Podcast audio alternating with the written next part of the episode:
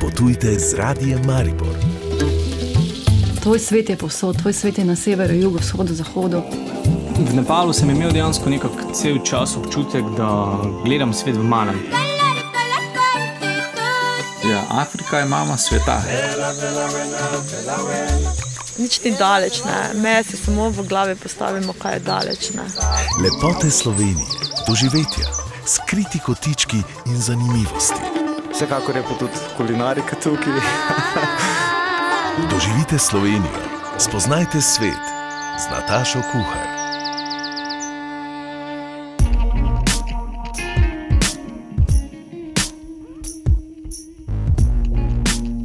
Pozdravljeni in dobrodošli ob poslušanju še ene turistične oddaje. Tokrat bomo v spredje postavili dogajanje na drugem Mariborskem turističnem forumu, na katerem so izpostavili za mesto in državo pomemben dogodek Olimpijski festival Evropske mladine.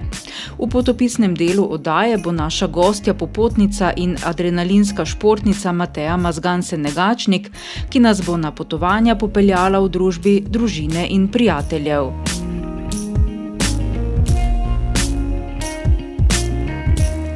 Da je turizem postal resen posel, ki se spreminja svetlobno hitrostjo, smo lahko slišali na drugem turističnem forumu v Mariboru v organizaciji tukajšnjega Zavoda za turizem, pa tudi, da je kljub hitremu okrevanju po pandemiji ta panoga pred novimi izzivi. V spredju slovenskega turizma bo tudi letos športni turizem, največji mariborski in tudi nacionalni dogodek pa bo Olimpijski festival Evropske mladine, ki ga bo Maribor gostil od 23. 20. do 29. julija letos.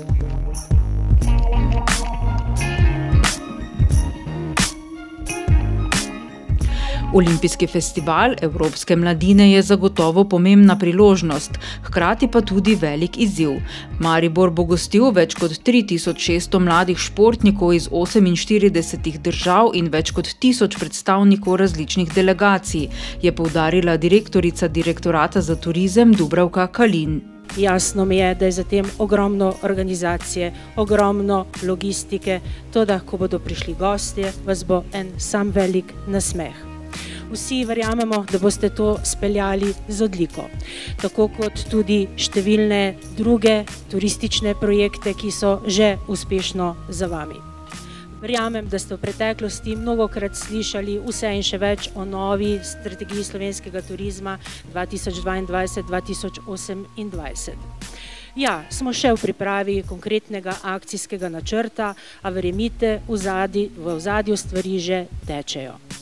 Med drugim smo že speljali razpis za turistično infrastrukturo z investicijami v žičnice in seveda dva zelo aktualna razpisa, ki se ravno tako nanašata na to strategijo, je uh, razpis, kjer vlagamo v kakovostno, kakovostne turistične namestitve in moram priznati, da ste se Mariborčani odlično odrezali oziroma se uh, v velikem številu odzvali, kot slišim tudi v uspešnem povezovanju povezovanju z turizmom Maribor pri razvoju produktov.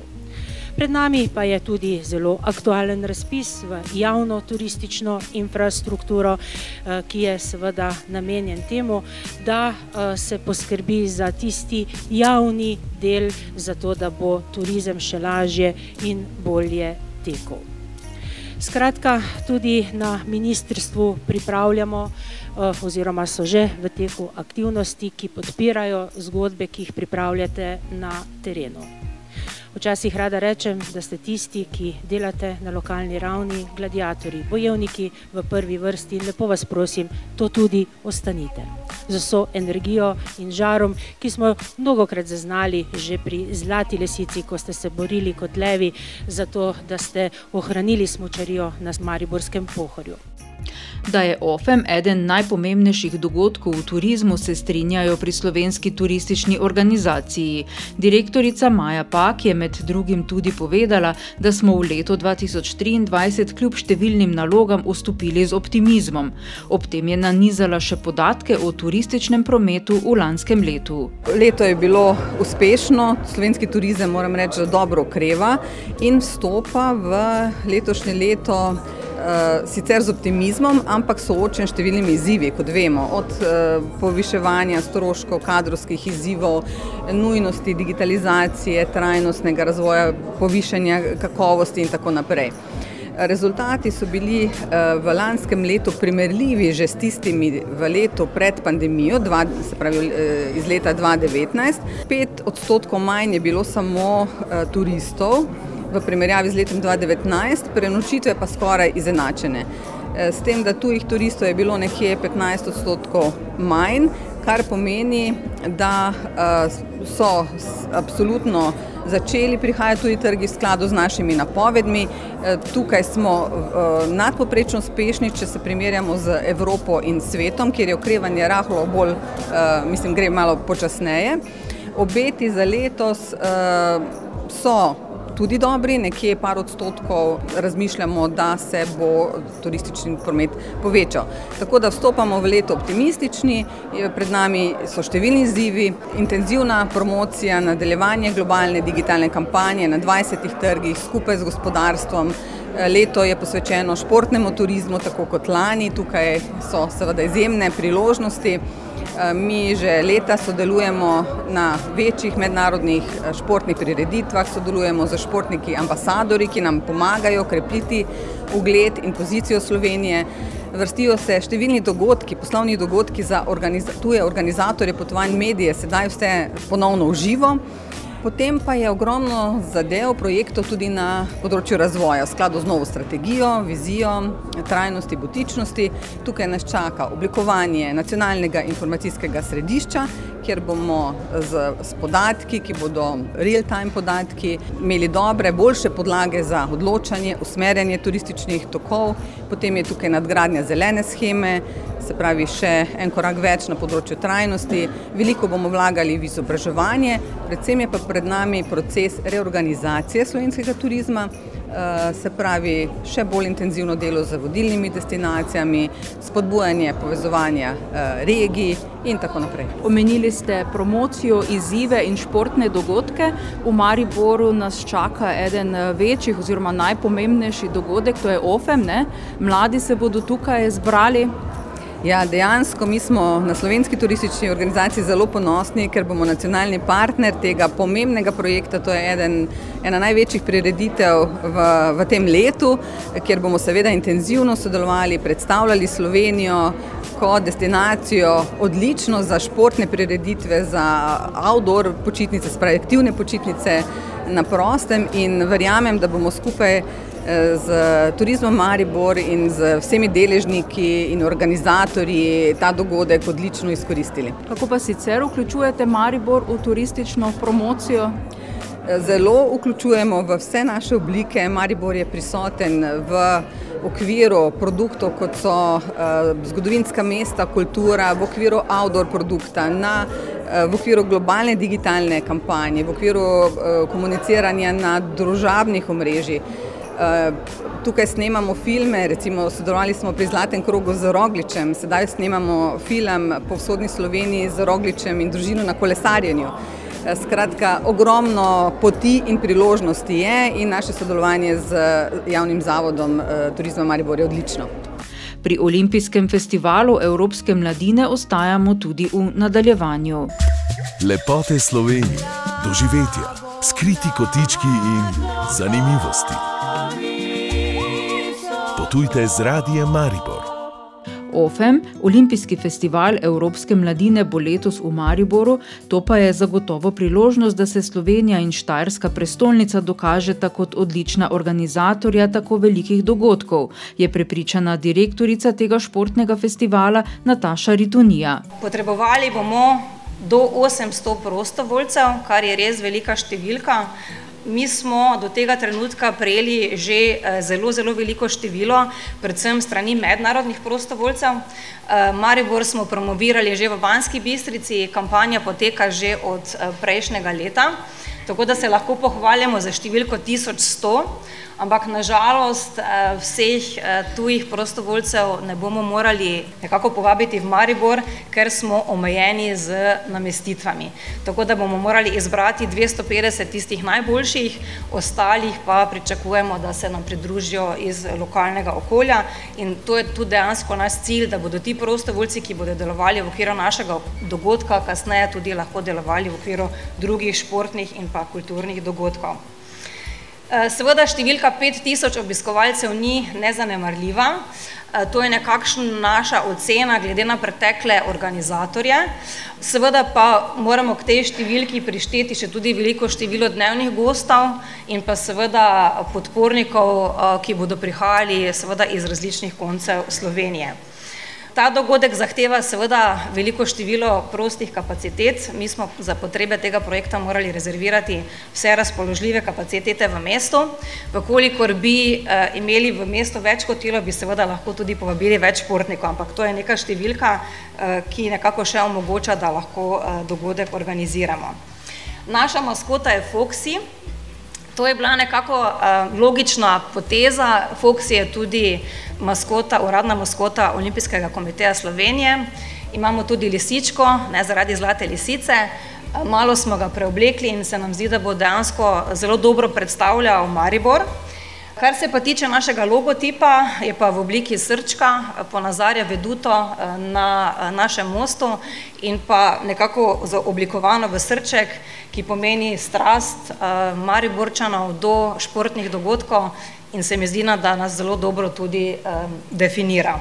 Tudi direktor Zavoda za turizem Maribor Jure Struc je izpostavil, da je to pomembna priložnost za mesto in ponudnike. Namreč eh, tekmovanje, se pravi mladine, ki je olimpijski, olimpijski festival eh, Evropske mladine, eh, bo potekal v različnih disciplinah, mislim, da jih je 11. Pričakujemo 3500 tekmovalcev, pa še nekje 5000 obiskovalcev. To bo kar velika obremenitev za, za mesto. Vsi, ki smo danes tukaj na turističnem forumu, se pravi vsa turistična srednja, ima priložnost seveda ponuditi kaj tem obiskovalcem in tekmovalcem. Verjamem, da je dovolj časa, da pripravimo to ponudbo in da bodo vsi ti, ki prihajajo v mesto sredi poletja, zadovoljni šli od njega in seveda doživeli uh, Maribor v svoji najboljši luči. Kaj pa sicer eh, turizem, kako se boste lotili promocije? Ja, mi smo že zakorakali v to promocijo kar na polno. Eh, z januarjem smo štartali v kampanji European Best Destination, eh, Destinations, kamor smo bili nominirani eh, kot eno izmed 20 mest. Konkurenca je zelo močna, so tudi večja mesta, prestolnice svetovne. Pa vendar, eh, mi smo pogumni, tako kot sem že rekel, če ne bi verjeli nekje v eh, Ligo prvako, se nam mnogo metov nikoli ne bi zgodila in tudi na ostalih področjih je pomembno to, da smo pogumni, da verjamemo v to in da se podamo v te projekte. V ta projekt smo vključili zelo mlado ekipo, ki nam je seveda pripravila čudovito kampanjo in smo prav presenečeni v tem, kaj se dogaja na digitalnih omrežjih.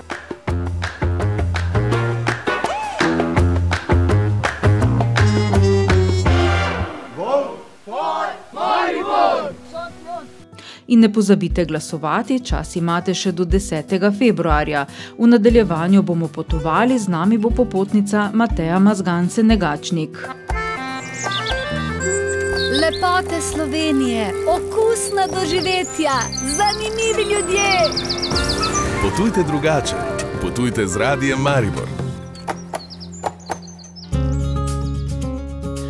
Prihodnje štiri tedne bo naša gostja Mateja Mazganse Negačnik, svetovna popotnica, adrenalinska športnica, aktivna jamarska reševalka in tudi glasbenica.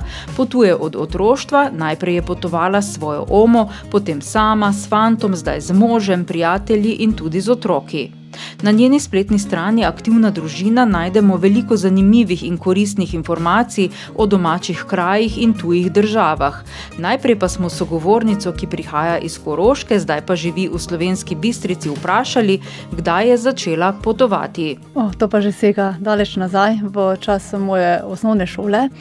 Takrat me je moja oma, kot se mi pač jaz rekla, babica drugače, ne, vzela zraven na prvo potovanje. To je bilo na Nizozemsko, prej je ona potovala z detkom, potem on zaradi bolezni žal ni mogel več in potem sem jaz nasledila njegovo mesto. In ona me je dejansko s tistim prvim potovanjem na Nizozemsko čisto okužila, in potem smo skupaj potovali 17 let. Tako da najno zadnjo skupno potovanje je bilo, ko sem bila jaz v prvem letu nosečnosti, potem pa je ona žal zbolela za demenco, sedaj je že pokojna, ampak to najno zadnje potovanje je bilo pa 14 držav po Evropi. Mhm, Do tega še prideva. Eh, Kaj vam pa ta potovanja dajejo? V bistvu to postane nekak način življenja, te zasvoji, ko te vleče, da nekako spoznaš nove ljudi, nove kraje. E, jaz dejansko zelo uživam v tem, tudi ko planiram potovanja. Tako da zdaj, ko pač potujem za družino, jaz jim pripravim, kot da sem turistična agencija, cel plan za potovanje. In jim je to taki užitek, tako da včasih komu tako iz veselja naredim plan potovanja, ko me prosi. Mhm, Pa to je Ja. neke vrste svoboda. Ne? Ja, ja, definitivno. Ja. Če dodava še malo statistike, koliko držav po svetu ste že obiskali, štejete? Pa nekaj čez 80, sem štela nekaj časa, tam nekaj čez 80, niti ne vem točno, imela sem svoj seznam narejen. Ampak vse na koncu koncev ni tako pomembno. Pomembno je to, da se imam jaz fajn na potovanjih, pa da vsi, ki grejo z mano, tudi uživajo ob tem. Mhm. Kam pa bi se še vrnili? Na Aljasko, definitivno to mi je bilo zelo všeč. Tam sem bila čisto sama na potovanju. To je bilo nekako tako zelo posebno potovanje, ko si sam, tisti divjini, večine na časa nimaš signala za telefon. Jaz sem res uživala, pa ne zdaj, da, da ne bi želela imeti koga zraven, ampak je ce- cela država tako drugačna od vsega tega, kar sem prej prepotovala, da mi je bilo to tako posebno. Eh, Vaša potovanja so nekako razdeljena. Potovali ste, kot ste že omenili, z Omo, eh, fantom, se pravi partnerjem, eh, sami, s prijatelji, starši tudi, ne? pa ja. tudi zdaj, ko imate otroke, pa tudi z njimi. Ne? In za vsakim je najbrž potovati povsem drugače. Ja, zagotovo je drugače, ker ko sem šla čisto sama na potovanje, ni bilo treba se prilagajati, ni bilo treba pripravljati se, eh, planirati karkoli. Jaz sem pač kupila letalsko karto, osnovne stvari sem pogledala v državi, pa sem šla. Najela sem avto in sem bila svobodna. Takoj, ko je nekdo zraven, se je treba malo bolj prilagoditi. Oma je bila res taka avanturistka, ona se je meni zelo prilagodila, je rekla: Jaz vem, da boš ti dobro splanirala, in tudi tam je bilo tako, včasih malo bolj. Nismo vedeli, kje bomo spali, kaj bomo jedli, kaj si bomo gledali naslednji dan. Zdaj pa, ko potujem z otroci, je pa treba malo bolj prilagoditi, pa eh, za starši, pa za, celo z starši od mojega moža, zdaj že, pa z njim, pa bila sem tudi na potovanju z njegovo omo, tako da res take kombinacije. Eh, Imam pa še eno skupino popotnikov, prijateljev, ki smo začeli predlani skupaj potovati. Smo šli po Italiji, čisto do juga Italije, pa po drugi strani gor nazaj. Lani smo potovali po Švici, letos gremo v Romunijo. In ker je to ena malce večja skupina ljudi, tudi naredim cel plan. Tako da jim tudi prej predstavim, pa potem taborimo in vsak dan smo drugje. Tako da za njih je tudi potem nekako splanirano, ampak uh, so si vsi zelo zadovoljni. Je pa natempirano zelo. In potem jim tudi vi vse organizirate, od letalskih kart do prenočišč. Vse, in... vse, ja, komplet. Zdaj, malce me še zanima to vaše potovanje z super babico, super omo. Kaj je tisto, da vaju je povezalo, da ste lahko sploh skupaj potovali? Se ne moreš kar s vsakim potovati, ne? Mi smo skupaj živeli uh -huh. na kmetiji, tako da smo bili več čas zelo povezani, seveda tudi starši, ampak eh, mi dve smo res nekako, kako bi rekla, veljali skupaj. Ne?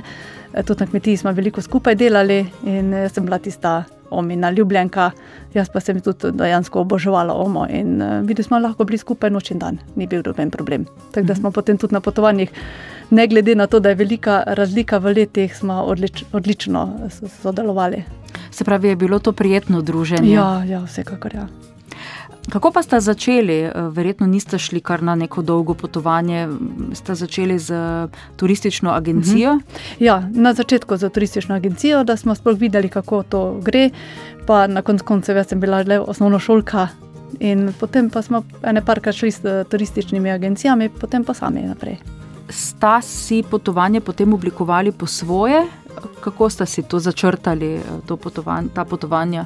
Ko smo bili z agencijo, smo se tako ali tako mogli prilagoditi, ko pa smo šli sami, sem pa že jaz začela planirati. Na začetku je bilo malo bolj dodelano, potem pa vedno manj, ker sem videla, da ni potrebno in da so lahko taka ve- večja odstopanja tudi na potovanju. Ko smo recimo šli na potovanje po Kolorado, smo planirali samo Kolorado. Na koncu smo na tistem potovanju bili še v Novi Mehiki, v Utahu, pa še v Arizoni. Uh -huh. Ste sproti prilagajali. Ja, tako da je lahko iz ene, enega plana prišel dvakrat večji plan ven. Pač smo malo bolj zgodaj vstali in bolj pozno hodili spat, in uh, je bilo bolj, bolj natrpano, ampak smo veliko več doživeli.